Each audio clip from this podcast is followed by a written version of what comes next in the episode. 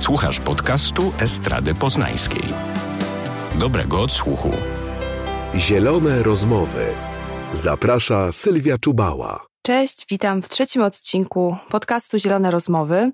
Dzisiaj porozmawiamy o różnych formach pozainstytucjonalnej i niehierarchicznej edukacji, także proekologicznej. Edukacji, która jest równościowa, wolnościowa i nie mieści się w systemowych rozwiązaniach, e, takich jak znamy ze szkoły, czy też w takich systemowych rozwiązaniach e, klasycznych, wychowawczych.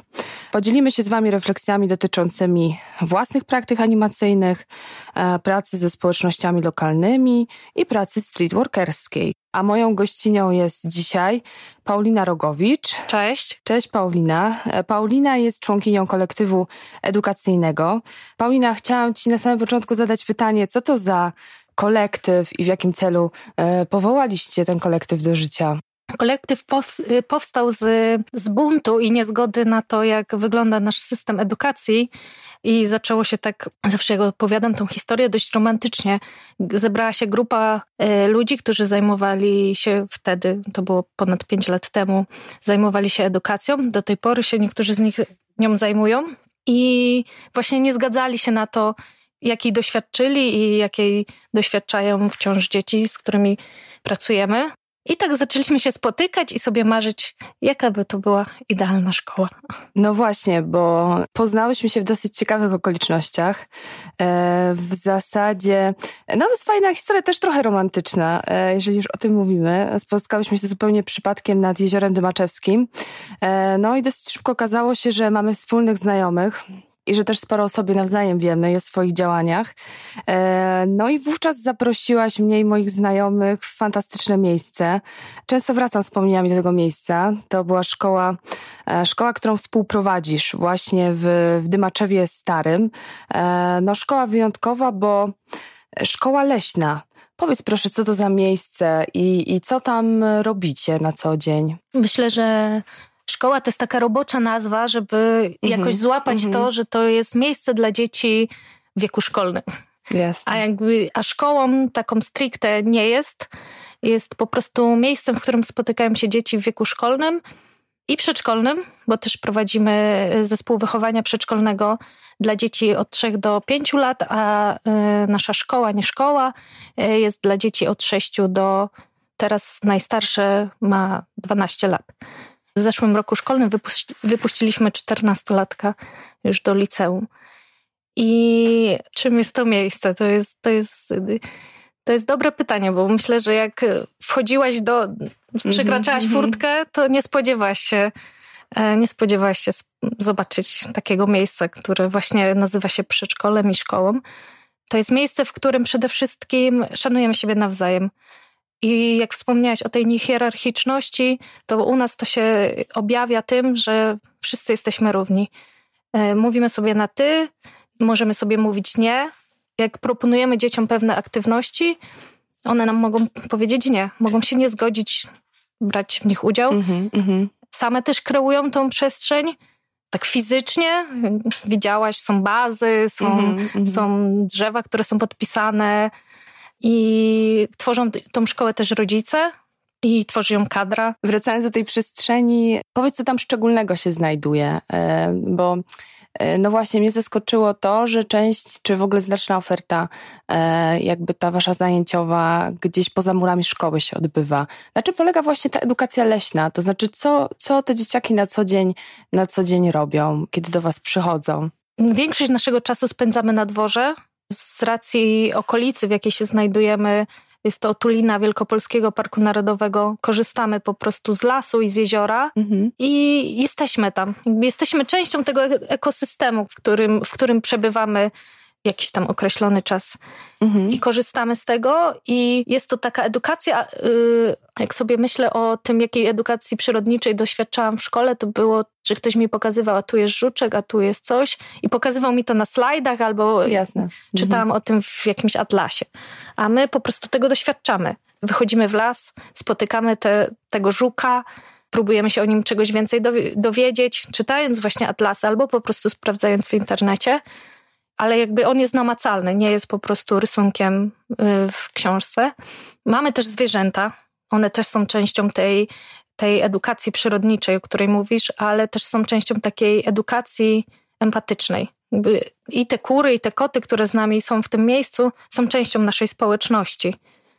Zdarza się, że ktoś nie, nieintencjonalnie traktuje źle nasze zwierzę, to inne dziecko mu zwraca uwagę, że to, że to może je boleć, więc i dzieciaki też uczą się, jak być z tymi zwierzętami, żeby nie robić im, im krzywdy. I ta nasza też yy, edukacja przyrodnicza i w ogóle, w ogóle bycie częścią tego ekosystemu, bycie częścią tej wsi, na której mieszkamy, to jest y, też uprawianie warzyw. My mamy, mamy ogródek, dzieciaki go podlewają, mamy pomidory, które jakby obserwują cały ten proces od y, wsadzenia ich do, y, wsadzenia nasionka do gleby po po prostu zerwanie tego pomidora i zjedzenie go. Myślę, że spotkaliśmy takie dzieci na naszym wydarzeniu, na żywiołowych warsztatach. To jest taki tydzień u nas, gdzie zapraszamy dzieci. Nasze dzieci, które są częścią szkoły, przedszkola mają wakacje, my wtedy też zapraszamy inne dzieci i na przykład niektóre z nich nigdy nie widziały kury. Więc spotkanie z tą kurą to jest, myślę, że jak podróż w nieznane. A powiedz jeszcze, bo właśnie dużo mówisz o tych zajęciach um, takich w terenie. E, jak rozumiem, to jest taki też sposób tworzenia oferty edukacyjnej, która jest alternatywna. To znaczy, wy korzystacie z jakiejś z jakiegoś programu, tworzycie ten program sami? To są rzeczy, które wymyślacie na bieżąco? Czy po prostu, no, jakby opieracie się w ogóle na jakiegoś rodzaju działaniach, warsztatach, e, z jakichś, no, podobnych tego typu placówek, czy, czy takich siedlisk? Czy, czy jakby to jest taka praca faktycznie kreacyjna, e, zupełnie, zupełnie od podstaw? To, to miejsce w ogóle powstało z inspiracji głównie zagranicznymi miejscami, takimi jak e, leśna przedszkola ze, w Skandynawii są bardzo popularne, czy e, szkoły demokratyczne, mhm. które są naj, najstarsza na świecie ma ponad 100 lat, więc to, są, to były takie inspiracje, ale z racji tego, że jakby opieramy głównie naszą metodę na, na, te, na, na, danej grupie, jaką mamy, na danej grupie dzieci, na danej grupie rodziców, na naszych zasobach, więc to jest bardzo autorskie, takie odpowiadające na potrzeby tu i mhm, teraz. Mm -hmm. Jeżeli dzieciaki teraz mają moment, gdzie się interesują mrówkami, no to my w to wchodzimy. My dorośli jesteśmy tam od tego, żeby im zagwarantować tą przestrzeń edukacyjną, a to jak one je ją kreują i co z niej biorą, to już zależy od nich. Czyli reagujecie na bieżąco, na te realne potrzeby e, w, w tym miejscu, w którym się znajdujecie. Ja przypominam sobie jeszcze wspaniałą taką przestrzeń plenerową, gdzie znajduje się olbrzymie tipi, e, fajne ognisko wewnątrz, ale również takie zakłady warsztatowe, w których też gdzieś e, dzieciaki mm, już od tych najmłodszych lat trochę uczą się właśnie pracy takiej stolarskiej, no i też chyba takiej właśnie sam samodzielności e, od samego początku. Mam teraz, tak szybko mi przyszła taka historia. E, właśnie rekrutujemy e, mentora do naszej grupy przedszkolnej i zgłosił się do nas 61-latek. I okazało się w ogóle, że szuka pracy od lipca i jesteśmy pierwszą, w ogóle pierwszym miejscem, które się do niego odezwało. I on był zdziwiony, dlaczego do, się odzywamy do 61-latka. Ja mu odpowiedziałam, że po prostu on jest, jest doświadczony, że przeżył życie, a u nas się dzieje po prostu życie. To, co się dzieje w systemowej y, szkole jest oderwane od, te, od naszej rzeczywistości. Nigdzie indziej nie siedzisz w ławce z 30 równolatkami i ktoś ci przekazuje wiedzy. Nie, nie znam innej takiej przestrzeni y, życia, gdzie tak się dzieje. A u nas mhm. po prostu dzieje się życie. Palimy ognisko, wspinamy się na drzewa i wiercimy w drewnie. To, jest, to są takie umiejętności, które są przydatne w życiu i one też wypływają z tego naturalnego pędu dzieci do, do poznawania świata. I one poznają je właśnie w ten, w ten sposób u nas, między innymi. W ten sposób siedząc w warsztacie i wbijając gwoździe i tworząc różne, przeróżne, abstrakcyjne często i wydawałoby się nieużyteczne, chociaż one zawsze znajdą na to wytłumaczenie, jak można użyć tej rzeczy. Więc mm, one są nieograniczone w swojej kreatywności. To nam dorosłym często wchodzi jakiś schemat, że, że po co tak wbijasz ten gwóźdź, kiedy, kiedy to jest marnowanie. Mhm jakiegoś materiału, a wcale w, w, ich świecie wcale nie. One tworzą po prostu coś, co na co znajdą wytłumaczenie, do, żeby było uży, użyteczne. Mhm, zupełnie autorskie też wytłumaczenie. Tak. Tak. Bo y, oczywiście wykorzystują te elementy no, w zupełnie inny sposób y, niż dorośli, mają zupełnie inny na to pomysł. E, mnie też tak zaciekawiło, mówisz o tych dzieciach właśnie w wieku przedszkolnym, jakie to są dzieciaki? Bo to jest szkoła która dla grupy dzieciaków też jest bezpłatna, że jakby z tego, co kiedyś rozmawiałyśmy, jakby w taki dualistyczny sposób też działacie, to znaczy jako właśnie też, też pozyskujecie jakieś środki, dzięki którym możecie zaoferować to również bezpłatnie, taką ofertę? Niestety na ten, na ten moment nie, nie, nie mamy subwencję, bo mm -hmm. nasze przedszkole jest, jest jakby częścią systemu, jest zespołem wychowania przedszkolnego i, i mamy subwencję, która nam mm -hmm. pomaga, która zasila nasz budżet, a głównie są to e, są to pieniądze rodziców, aczkolwiek staramy się, żeby, żeby ta kwota była w miarę dostępna. I takie mamy na ten moment wrażenie, że oczywiście nie dla wszystkich, ale jest to miejsce dostępne. Może kiedyś jakimś już y, po iluś latach będzie to możliwe, żeby była, y, żeby była dla wszystkich, ale myślę, że te, myślę też o tym, że to jest miejsce dla każdego dziecka, ale też nie, nie, nie, nie dla każdego rodzica, więc siejąc tą ideę, po prostu potrzebujemy, żeby więcej osób się o tym dowiedziało, więc yy, bo jednak jesteśmy zamknięci w tych schematach i jesteśmy dopiero na początku. Wierzę, że jak więcej osób będzie o tym mhm. wiedziało i będzie się tym interesowało i będzie to ruch oddolny, może będzie nawet częścią czegoś, co proponuje nam system, nie? Jakieś te -hmm, rozwiązania, -hmm. które my proponujemy, mogą stać się po prostu częścią takich rozwiązań. Już nie będzie to alternatywą, już to będzie jakby częścią, częścią tego. Yy... Częścią jakiejś takiej powszechnej praktyki. Dokładnie. Mhm. Jasne, bo wy też e, czytając e, tam takie informacje na waszej stronie internetowej, też wcześniej rozmawiałyśmy o tym, wy tak działacie też w, w myśl takiej idei e, systemu e, no właśnie projektowania siedliska czy takiej przestrzeni zgodnie z zasadami permakultury. E, no tutaj też naszym słuchaczom może możemy słówko na ten temat powiedzieć. Pierwszy raz o takiej koncepcji wspomniał Joseph Russell Smith w książce z 1929 roku. No i tam wskazał na takie trzy właśnie główne przykazania, którymi należy się kierować jakby w tym, w tym właśnie myśląc o takim E, tego rodzaju urządzaniu przestrzeni. Pierwsza naczelna zasada troszcz się o ziemię, druga troszcz się o ludzi, a trzecia dziel się nadmiarem. W niektórych też opracowaniach jest informacja, że nie do końca też chodzi o nadmiar, ale również o ograniczenie po prostu konsumpcji, prawda, żeby w ogóle nie prowadzić do tego nadmiaru. I tak sobie pomyślałam, że ta zasada właśnie projektowania takiego ogrodu permakulturowego, e, że można pewne zasady też, oczywiście one są uniwersalne, odnieść je do właśnie sposobu pracy z drugim człowiekiem, też do sposobu właśnie działania z młodzieżą, z, z dziećmi. Z młodzieżą też w takim ujęciu e, chociażby streetworkerskim, o którym też chciałabym zaraz z tobą porozmawiać, bo jest to też taka działka, którą się zajmujesz. No ale tam właśnie e, z takich, z takich wyczytanych przeze mnie informacji wynika, że mm, z takich porad w zasadzie, że no właśnie prowadzenie takiego ogrodu permakulturowego jest bardzo zbliżone właśnie do pracy z drugim człowiekiem, czy to właśnie w animacji kulturowej, czy, czy, czy w pracy na ulicy bezpośrednio z dzieciakami. No bo jedna zasada to na przykład pierwsza, taka, y, która się nasuwa, obserwuj i włącz się, prawda?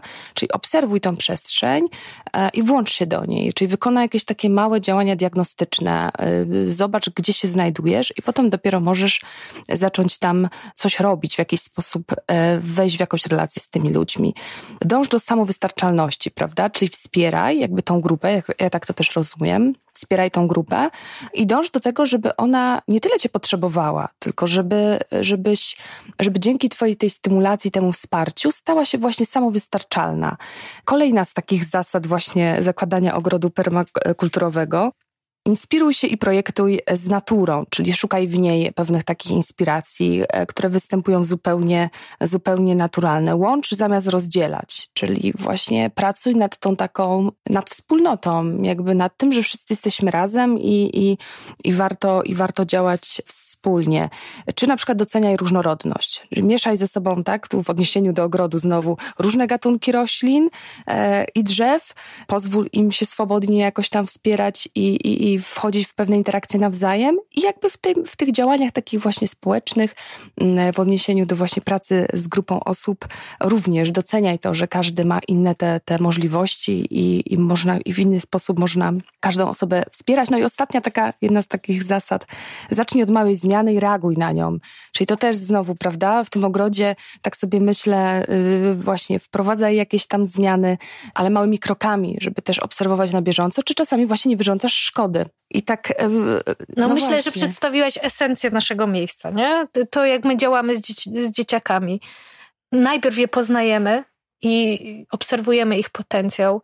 Myślę, że najtrudniejsze dla nas dorosłych, którzy doświadczyli tego systemu i ktoś próbował ich ciągle formować, mm-hmm. jest to, żeby żeby się czasem zatrzymać, powiedzieć, widzisz, że robi coś naprawdę takiego, otwiera ci oczy, to ta jego aktywność, to jego działanie, już byś, nie wiem, chciała pochwalić, coś powiedzieć, ale myślę, że tą sztuką jest się zatrzymać, nie? Żeby, mm -hmm. żeby, żeby nie zaburzyć tego procesu. To jest ważne i też o takiej ja bardzo hołduję to u nas w przedszkolu pochwała powolności. Mm-hmm, mm-hmm. Czasem, czasem chciałoby się mieć szybki efekt i już na już mieć po prostu y, załatwioną sytuację. A my staramy się to robić właśnie wierząc w ten potencjał, że, że jakby nie jakby te dzieci mają potencjał, my ludzie mamy potencjał i, i on ma, ma swoją drogę i już y, my możemy po prostu tylko stwarzać bezpieczną przestrzeń dla tych dzieci. I to jest z najprostszymi rzeczami fizjologicznymi, nie wiem, z chodzeniem do toalety. Mhm. Nasze dzieci zdarza im się, że nie zdążają, ale nie wyobrażam sobie, żeby ktoś na nie nakrzyczał, czy, mhm. czy cokolwiek powiedział, że to jest nie okej. Okay po prostu my jesteśmy z nimi, jesteśmy z nimi, w, kiedy się przebierają, pomagamy im w tym i one po prostu po, może po pół roku dopiero, ale już nabywają tych umiejętności, takich prostych. Tak samo z, z jedzeniem, czasem jedzą ten obiad pół godziny i już by się chciało iść robić kolejną rzecz, coś tam, a one po prostu są są w tej, w tej, one są w tu i teraz. Nie myślą o tym kolejnym zadaniu, które na nich czeka. Jedzą ten obiad i są z tym, tym obiadem, z tymi smakami, z tym, z tym, czego właśnie doświadczają. To chyba też jest takie pozwalanie na to, żeby się właśnie pobrudzić, żeby doświadczyć tej przestrzeni, w której się funkcjonuje w taki właśnie e, nietradycyjny sposób i też się tym nie martwić, bo ja teraz tak sobie myślę, że ty mówisz właśnie o tej przestrzeni tego leśnego przedszkola, że wy tam stwarzacie takie warunki, żeby poznać tą rzeczywistość, która nas otacza w sposób taki namacalny, a to jest to, co realnie się przecież dzieje w pracy streetworkerskiej na przykład, że tam e, tej przestrzeni, tam nie nie trzeba jakby mm, e, umożliwiać tego, bo to są dzieciaki, to są osoby, które w tej swojej przestrzeni, w tym swoim środowisku na co dzień właśnie tak funkcjonują. Jak sobie przypominam, jak zaczynałam taki projekt bloki animacji, zresztą też tutaj z ramienia Estrady Poznańskiej realizowany i postawiliśmy w parku na osiedlu Chrobrego Siedlowy namiot kultury, to to właśnie pojawiło się w miejscu naturalnym dla dzieci, dla ich ekspresji, dla ich takich codziennych aktywności.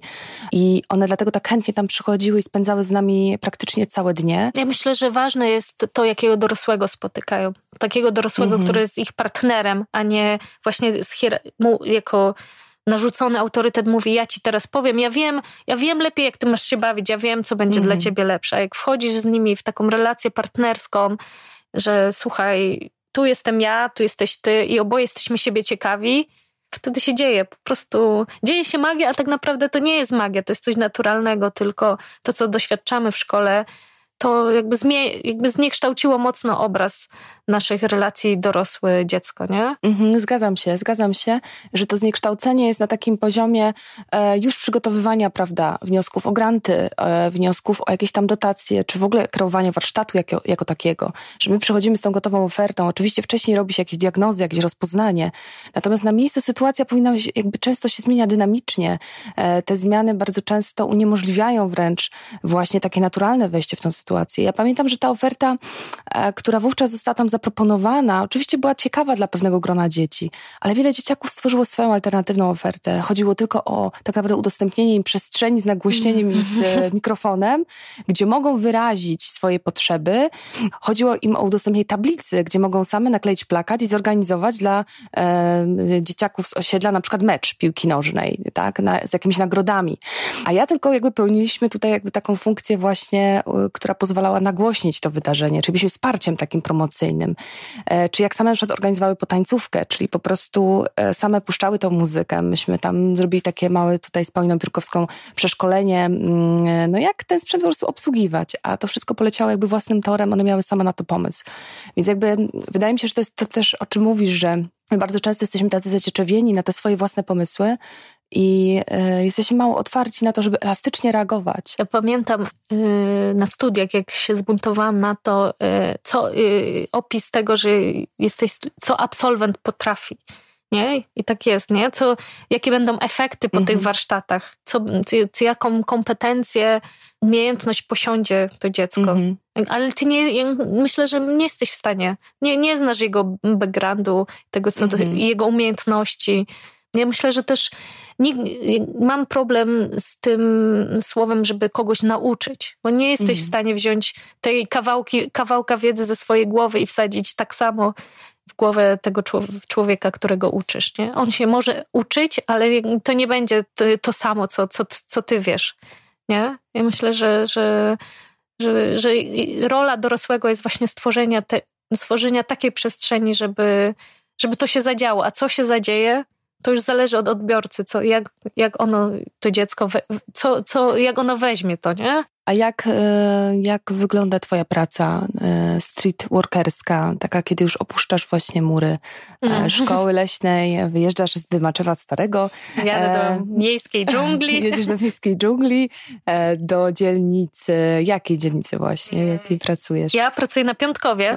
Z, moja grupa jest dość, dość specyficzna, bo jest to grupa dzieci romskich z Rumunii, która zamieszkuje ogródki działkowe trochę się różni od takiej grupy, która jest na Jeżycach, która jest na Starym Mieście czy na Wildzie. I my po prostu doświadczamy miasta jako równoprawni uczestnicy miasta. E, I e, wychodzimy do kina, wychodzimy na pizzę. I to są takie proste rzeczy, a właśnie dla dzieci, z którymi ja pracuję, okazują się po prostu podróżą w nieznane, bo bo coś, co nam się wydaje gwarantowane, bo mhm. wystarczy wyciągnąć dychę z kieszeni, żeby coś mieć, to dla nich jest naprawdę czymś ważnym i nowym. No to też jest e, specyficzna grupa o tyle, że pewnie w innych dzielnicach e, dzieciaki funkcjonują jednak bardziej w przestrzeni, prawda? To znaczy gdzieś można zajrzeć do podwórek, czy, czy, czy e, zajrzeć w bramy, na przykład na Jeżycach, gdzie również Stowarzyszenie Rezerwat działa. No takim miejscem, gdzie jak się formuje grupa i, mhm. i wiadomo, że y, gdzie, gdzie szukać tych dzieci do, do grupy, to jest boisko, jakieś przyszkole albo jakieś osiedlowe, nie? Że tam się bywa i dzieciaki naturalnie zagadują, kim jesteś, co tu robisz, czemu tu jesteś co wtorek. Wtedy można im powiedzieć o, o czymś takim jak rezerwat i na czym polegają zajęcia z, e, ze streetworkerami. Dzieciom e, z koczowiska chce się przychodzić na zajęcia o, tak. i brać udział? O tak. One też właśnie mogą doświadczyć miasta jako z innej perspektywy, jako równo, równoprawnego uczestnika. Więc jak idą z nami i ktoś ich obsługuje i mówi do nich, proszę pani, proszę pana w restauracji, to dla nich jest bardzo ważne, nie? Tak, y, no czują się, czują mhm. się równoprawnie, wcale nie, nie lepiej, nie gorzej, po prostu jak inne dzieciaki i, mm, i, i po prostu to jest taki świat, który, do którego dopiero zaczynają mieć dostęp, bo od niedawna chodzą do szkoły tutaj w Polsce, e, więc to jest coś dla nich nowego. A powiedz proszę, mm, jakie trzeba mieć e, cechy, żeby być dobrym takim pedagogiem ulicy, znaczy, żeby po prostu nawiązać relacje z grupą? To jest trudny proces, też taki długotrwały, jakby mm, wypracowywania e, no, wzajemnie jakiegoś poczucia bezpieczeństwa, e, jakiegoś zaufania. E, jak to wygląda? Mm, myślę, że, że ważna jest otwartość i właśnie to partnerstwo, o którym też wcześniej mówiłam, w, generalnie, które jest ważne w pracy z dziećmi, żeby one się czuły, że są twoimi partnerami, a nie, nie, nie kimś, kto im powie, co mają robić, bo one one już tego doświadczają w systemowej szkole, gdzie gdzie najczęściej się zdarza, że, że są z, z różnych powodów y, nie traktowane w taki sposób okej. Okay, mhm. Bardzo często się też zdarza, że po prostu jakoś straciły wiarę w dorosłego, bo te doświadczenia, które, które mają, y, jakby spowodowały to, że ten dorosły kojarzy się nie, nie, nie z, z dobrą zabawą i z wyjściem na pizzę i zbijaniem piątki. Więc taki street worker, ważne, żeby był otwarty na, na, na różne dzieciaki. Po prostu nie, nie, nie, nie, nie, nie ma jakiej, na żaden wzorzec idealnego y, y, wychowanka. Nie? To mhm. jest po prostu te dzieciaki są różne, z różnych rodzin, różne doświadczenia mają. To też chyba, co tak mi się z kolei nasuwa przy mojej pracy, e, takiej animacyjnej bardziej, bo streetworkersko raczej nie pracowałam, ale jakby w pracy ze społecznościami lokalnymi, mm, to, to też co zauważyłam, to, to jak bardzo ważne jest oddawanie poczucia sprawczości dzieciakom. Że gdzieś ty mówisz o, tym, o tych e, kiepskich doświadczeniach, e, tym zapleczu takim życiowym, które jest pewnym tam ciężarem, i to, że utraciły właśnie tą wiarę w, w osobę dorosłą.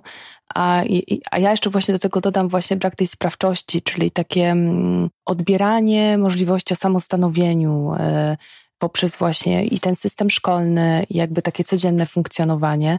I być może tego typu działania, takie, y, w które można się włączyć, bo ja też mam taką perspektywę, że animacja kulturowa, czy w ogóle takie działanie jakby dla ludzi, to powinny być um, obszary, w których maksymalnie włącza się te osoby, do których chce się trafić. To znaczy, że one w pewnym e, momencie już e, mogą być na tyle samowystarczalne, że po prostu na przykład same realizują pewne działania, czy w ogóle nie jest, jakby ten dorosły nie jest im potrzebny. On może być tylko jakimś backgroundem do na przykład wypisania umowy albo e, kupienia, e, nie wiem, tak zwanych, no, jakichś tam smakołyków na dyskotekę, nie? Że, że można zupełnie zejść z tej roli takiego właśnie koordynatora, że można to wszystko poddawać. Jak te dzieci, z którymi ty pracujesz też w rezerwacie, czy te ich takie możliwości, ich ta wiara w siebie, jakby ona się zmienia, ty to jakby tak jesteś w stanie zaobserwować przez ten dłuższy okres mm, jak pracujecie razem. Tak, tak, bo mm, warto dodać, że praca streetworkera to też jest praca na procesie. My pracujemy z grupą dwa lata i, i to jest właśnie to zdobywanie z powrotem zaufania do dorosłego, to jest proces.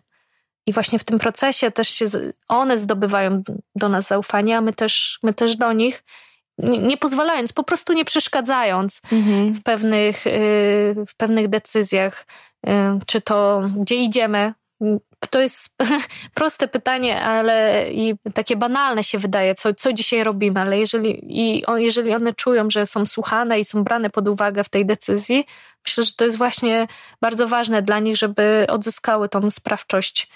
I zauważam to, zauważam to. Myślę, że, że w ogóle super, że, że, że o tym mówisz, bo niektóre rzeczy wydają mi się tak oczywiste, bo to jest jakby mój świat, a mhm. koniecznie, niekoniecznie to jest tak e, zawsze, nie? Że tak, tak nie, nie wszystkie dzieci takich, takich dorosłych spotykają.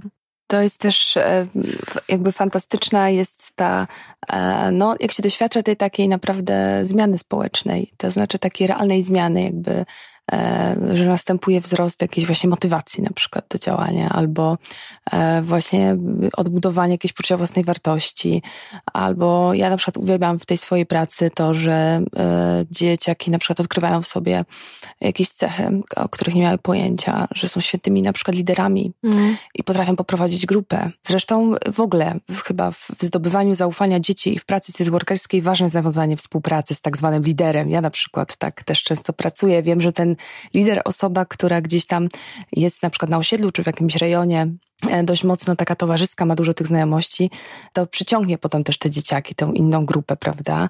Sporo na w mojej pracy jest z kolei rodzin, w sensie rodzeństwa. One też jakby siłą rzeczy, e, jak to są takie mm, rodziny wielodzietne, to, to czasami e, szóstka, siódemka dzieci jakby też partycypuje w jakichś działaniach, a każdy jest w innym wieku nie? że mm, też właśnie sposoby docierania do tych, do tych dzieci są, są też różnorodne i no i muszą być dopasowane chyba właśnie tak, do, tak. do różnych warunków. Że w tej otwartości, o której mówiłam, która jest ważna w pracy streetworkerskiej, jest właśnie elastyczność też. Bo różne rzeczy cię spotykają. Możesz właśnie mieć coś zaplanowanego, nawet możesz mieć ustalonego wcześniej z ekipą, że gdzieś wychodzicie, a coś się zmienia. I po prostu też ważne, żeby, żeby to, na to reagować w taki sposób, że to jest okej, okay, że to się zmieniło.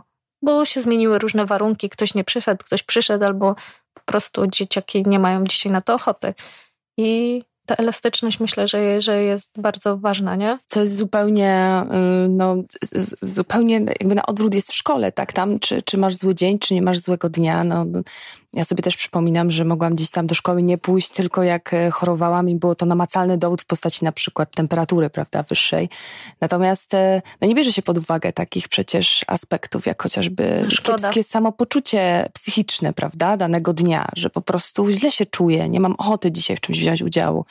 E, no i w, w, tych takich działaniach animacyjnych, czy, czy właśnie takich społecznych jest to no, bardzo ważne, bo, bo to właśnie też wynika z tego, że realnie nam zależy na tym drugim człowieku, że nie chcemy że go, go targać na siłę. Dokładnie. Że, że, że, on tam jest i przyszedł z tym i z tym dzisiaj do ciebie mhm. i może po prostu ma inaczej i potrzebuje innej opieki niż, niż animacja, niż jakby zapewnienie mu jakichś bodźców takich, które go pobudzą. Może potrzebuje, żeby powiedzieć, o widzę, że ci jest smutno i czasem to wystarczy. Nie? Jasne. Po prostu ktoś mnie mhm. widzi, widzi mnie jakiś dorosły, czyli jestem ważny. I myślę, że właśnie brakuje tego nam generalnie dorosłym, żeby zauważać dzieci w, w ich stanach emocjonalnych trudniejszych, bardziej wymagających i samych siebie nawzajem bo jesteśmy jednak nastawieni w dużej mierze na, na cel, że jest cel, który musi zostać Dokładnie. zrealizowany i co, mhm. przyszedłeś tu teraz, teraz na moje warsztaty i nie zrobię tego, nic z tego nie powstanie i co? Czym się pochwalę? To też z takiego podwórka mojej szkoły rodzice na początku mają trudność z tym, że dziecko przychodzi siódmy dzień z rzędu i mówi, a co dzisiaj robiłeś? A nic, bawią się w błocie. Więc, więc co będzie z tego dziecka, nie? Jak ono siódmy dzień bawi się w błocie, nie? Chociaż to nie jest takie nic. Można wiele, wiele elementów tam e, zauważyć i wiele wiele rzeczy, które ono doświadczyło w czasie tej zabawy z, bło, w błocie. Ile tam, że bawił się w grupie, że to była taka zabawa społeczna, że mhm. doświadczył suchego piasku, mokrego piasku. Można mnożyć, ile wartości dodanych jest na przykład z takiej zabawy, nie? Tak, no dokładnie. Ja sobie też przypominam, jak my żeśmy z kolei tutaj na wielką prośbę dzieciaków umożliwiły im postawienie w parku e, Chrobrego taką bazę, tak, z drewna. Tu też była ekipa, która gdzieś tam im tą bazę tworzyła, montowała, zbijała. Dzieciaki same malowały, też pomagały. No i jakby ta baza została zniszczona, tak? W zasadzie jak tam opuściliśmy to miejsce po kilku dniach. No taka była decyzja jakby jakiejś grupy, no ktoś się pojawił, kto ją po prostu zniszczył. To była przestrzeń publiczna, otwarta, myśmy musieli to zaakceptować, dzieci też. Więc to jest też taka kwestia, o której ty mówisz, że no właśnie, no i co, tyle roboty, tyle, tyle, tyle materiałów, tyle pracy, tylu osób, no i co? I jakby mówiłem, mówiłam, tak, jak spotkaliśmy się z takimi głosami, to zostanie rozwalone. Ale to zupełnie nam nie o to chodziło. Ten moment e, bycia w procesie budowania tego, dzielenia się w ogóle w grupie, jakby wśród dzieciaków e, te sytuacje, kiedy one dzieliły się na przykład w grupie zadaniami, prawda, tam się od razu właśnie pojawiły te takie te sytuacje, że jedne osoby miały te umiejętności liderskie, inne e, zajmowały się dekoracją wnętrz, że tak powiem, jeszcze inne lubiły przed tym domkiem na przykład siedzieć i sprzedawać, tak, jakieś rzeczy, bo tam też chodziło oczywiście o kwestie zarobkowe, e, żeby sprzedawać coś w okienku i sobie odłożyć pieniążki na jakąś tam, na jakieś tam przyjemności. Także no, tam, tam doszło do takiego jakby podziału, prawda, na te różne takie, zgodnie z predyspozycjami i jakby chęciami, więc tam się cholernie dużo wydarzyło. Ja myślę, że w ogóle gdyby no ktoś i obserwował... I na taką szkołę, gdzie masz tylko materiał do przyswojenia mm. i mhm. nie, nie wiesz, czy nie ma przestrzeni na to, żeby się dowiedzieć, czy to dziecko ma umiejętności liderskie, czy może bardziej wy, woli mm, robić to, co mu jakby zaoferowano. Nie, bo to nie, nie trzeba. Nie, pewnie ceni się bardziej liderów, tak załóżmy, mm -hmm. że, że te cechy liderskie są bardziej bardziej jakieś cenione społecznie. No w ale takim systemie w funkcjonujemy niestety tak, kapitalistycznym. Tak, te, ale wcale tak nie jest. E, tak się wszyscy no, uczepili. uczepili. uczepili, tak, i kołczują się tak, tam i tak, tak dalej, a wcale, być... wcale nie, bo, bo to są osoby, które mogą y, wymyślić jakiś projekt, a tak naprawdę, żeby on został zrealizowany, jest potrzebne kolejnych kilka osób, które są na różnych etapach i one dopinają ten projekt i on jest jakby, dzięki, może być skończony dzięki całej tej grupie, od lidera po osoby, które które to zrobiły, rozliczyły, cokolwiek tam się zadziało w tym procesie. I też myślę sobie, że my nie doceniamy drogi po prostu bardzo często, czyli tego, że jesteśmy właśnie w tym procesie, że to jest jakaś taka zmiana, która jest też e, może nie od razu zauważalna, chcemy tych szybkich wyników, e, i, I to nas też troszeczkę gubi, że po prostu jakby pozyskiwanie samej wiedzy nic, nic generalnie nie no, w daje. W dobie internetu, gdzie, tak. gdzie tą wiedzę możesz zdobyć w trzy sekundy, googlując coś. Jakby umiejętności właśnie takie liderskie, umiejętności odnalezienia się w nowej grupie, umiejętności zadbania też o siebie, przyjścia i powiedzenia Ej, dzisiaj mam zły dzień, nic nie robię. Myślę, że to jest super, nie? żeby umieć tak powiedzieć, być tak skontaktowany ze sobą, że, że mimo, że czuję, że tutaj jest tyle do zrobienia, to ja dzisiaj sobie usiądę i nic tak, nie zrobię. bo mogę, mogę być w grupie, ale ja nie muszę dzisiaj partycypować w zajęciu na przykład. Nie muszę Dokładnie. za bardzo nawet, e, jeżeli nie mam ochoty się odzywać. Dokładnie. E, natomiast sama obecność, niedaleka obecność bliskich osób, czy jakieś, które znam, może być dla mnie już wystarczająca w tym momencie, że ja po prostu nie potrzebuję niczego więcej. Myślę, że są to takie mm, te wszystkie elementy, o których my rozmawiamy, to są takie rzeczy no, nie do pomyślenia w, jakby w systemie szkolnym, e, z racji oczywiście przepełnionych też klas, przepełnionych grup. Bo wy na przykład w, w, w, waszych działaniach rezerwatowych pracujecie na takich niedużych grupach też, tak, tak. też w duetach. Pracujemy w parach, najczęściej mieszanych mhm. i e, maksymalnie piątka dzieci. To jest taka komfortowa liczba, żeby właśnie, żeby móc nawiązać relacje z każdym z nich, żeby też poznać ich rodziny, mm, tym, z, z czym do ciebie przychodzą, z jakim backgroundem, co przeżyły do tej pory. Myślę, że to jest, to jest bardzo ważne, nie? Że, że to nie jest też tak, że żadne dziecko ci nie umknie wtedy, nie? Mhm. Jesteś w stanie zauważyć właśnie, że ktoś ma gorszy dzień i ja, ja myślę sobie o takim nauczycielu, ja bardzo współczuję nauczycielom, jak przychodzisz, y, jesteś sam do trzydziestki dzieci i nie jesteś w stanie zauważyć, i masz 45 minut, gdzie pierwsze 10 minut to sprawdzanie obecności mhm. i zadania domowego, i nie jesteś w stanie dać uwagi każdemu z tych dzieci tyle, ile by potrzebowało. Jak, e, jak do tego dotarliście, dotarłyście, e, że dwa lata to jest taki optymalny czas, e, jakby właśnie w takim procesie pracy z grupą w przestrzeni miasta. Jak to potem w ogóle kończycie? tą, tą, tą, tą waszą wspólną przygodę? Jak dotarliśmy, nie wiem, bo ja przyszłam i tak już zastałam tak, tak, taki, taki, system. Mhm. taki system. A kończymy często jakimś takim wydarzeniem typu wycieczka gdzieś dalej do Wrocławia albo jakieś takie wydarzenie po prostu, które jest taką. Myślę, że ten moment zakończenia też jest ważny, żeby dzieciaki wiedziały, mm -hmm. że to jest, to już jest koniec i mogą iść w świat dalej same z tymi mhm, kompetencjami, mm -hmm. które nabyły podczas mm, tych naszych wspólnych wyjść, ale to nie jest też tak, że nasza relacja się kończy po tych dwóch latach. Mm -hmm. Nie wiadomo, że mamy tam kontakt y, już o wiele mniejszy, bo też y, jakby one nowe relacje zawiązują, przeprowadzają się, więc, ale to jest tak, że jak cię zobaczą na ulicy, to się do ciebie uśmiechną, nie odwrócą się i pomyślą, ojeju, trzeba uciekać, nie? Tylko, że super, super było spędzać czas z tą, z tą albo z tym człowiekiem. Też mam teraz takie doświadczenie, że w sumie jestem po takim dosyć intensywnym e, czasie, dwu, trzyletnim, e, jakby właśnie w współpracy i działań z taką grupą dzieciaków na osiedlu Chrobrego.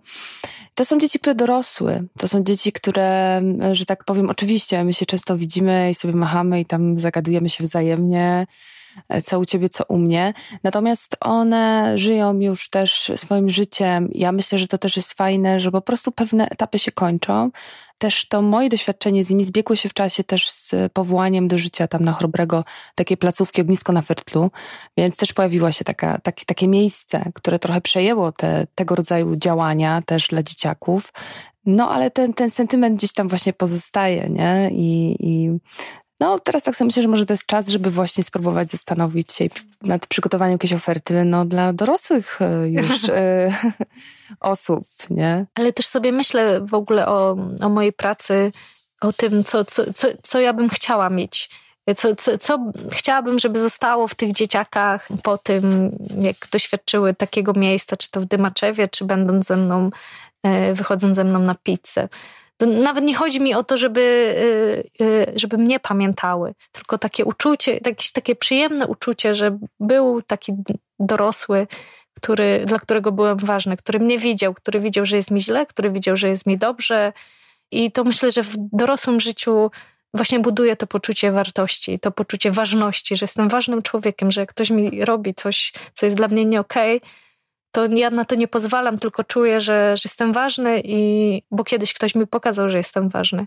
I właśnie reaguję na to, więc sobie myślę o takich o, o, takiej roli dorosłego w tej, w, tej, w tej pracy. E, chciałabym Cię spotkać w moim dzieciństwie, tak Ci powiem. Na pewno. E, dziękuję Ci, Paulina, e, za dzisiejszą Dzięki. rozmowę. Dzięki, że chciałaś zaprosić i posłuchać o alternatywie, która nie jest tak powszechna która jest też trudnym wyborem, bo jest takim, jest wyborem pod prąd. Jest wyborem pod prąd i wymaga więcej też pracy. Wymaga pracy przede wszystkim nad sobą, nad bo jednak sobą, jesteśmy dokładnie. dorosłymi, który, którzy doświadczyli dokładnie. systemu i czasem łatwiej byłoby pójść z tego schematu i, i dać karę i powiedzieć coś takiego, z tego, że jestem dorosły, ja wiem lepiej i ja ci teraz nie pozwolę na coś. No najtrudniejsze jest budowanie relacji.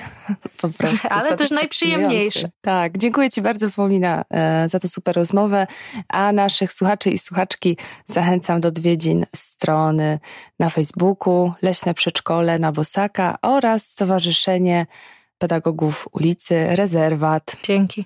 Producentem podcastu jest Estrada Poznańska. Więcej na estrada.poznan.pl Zielone rozmowy.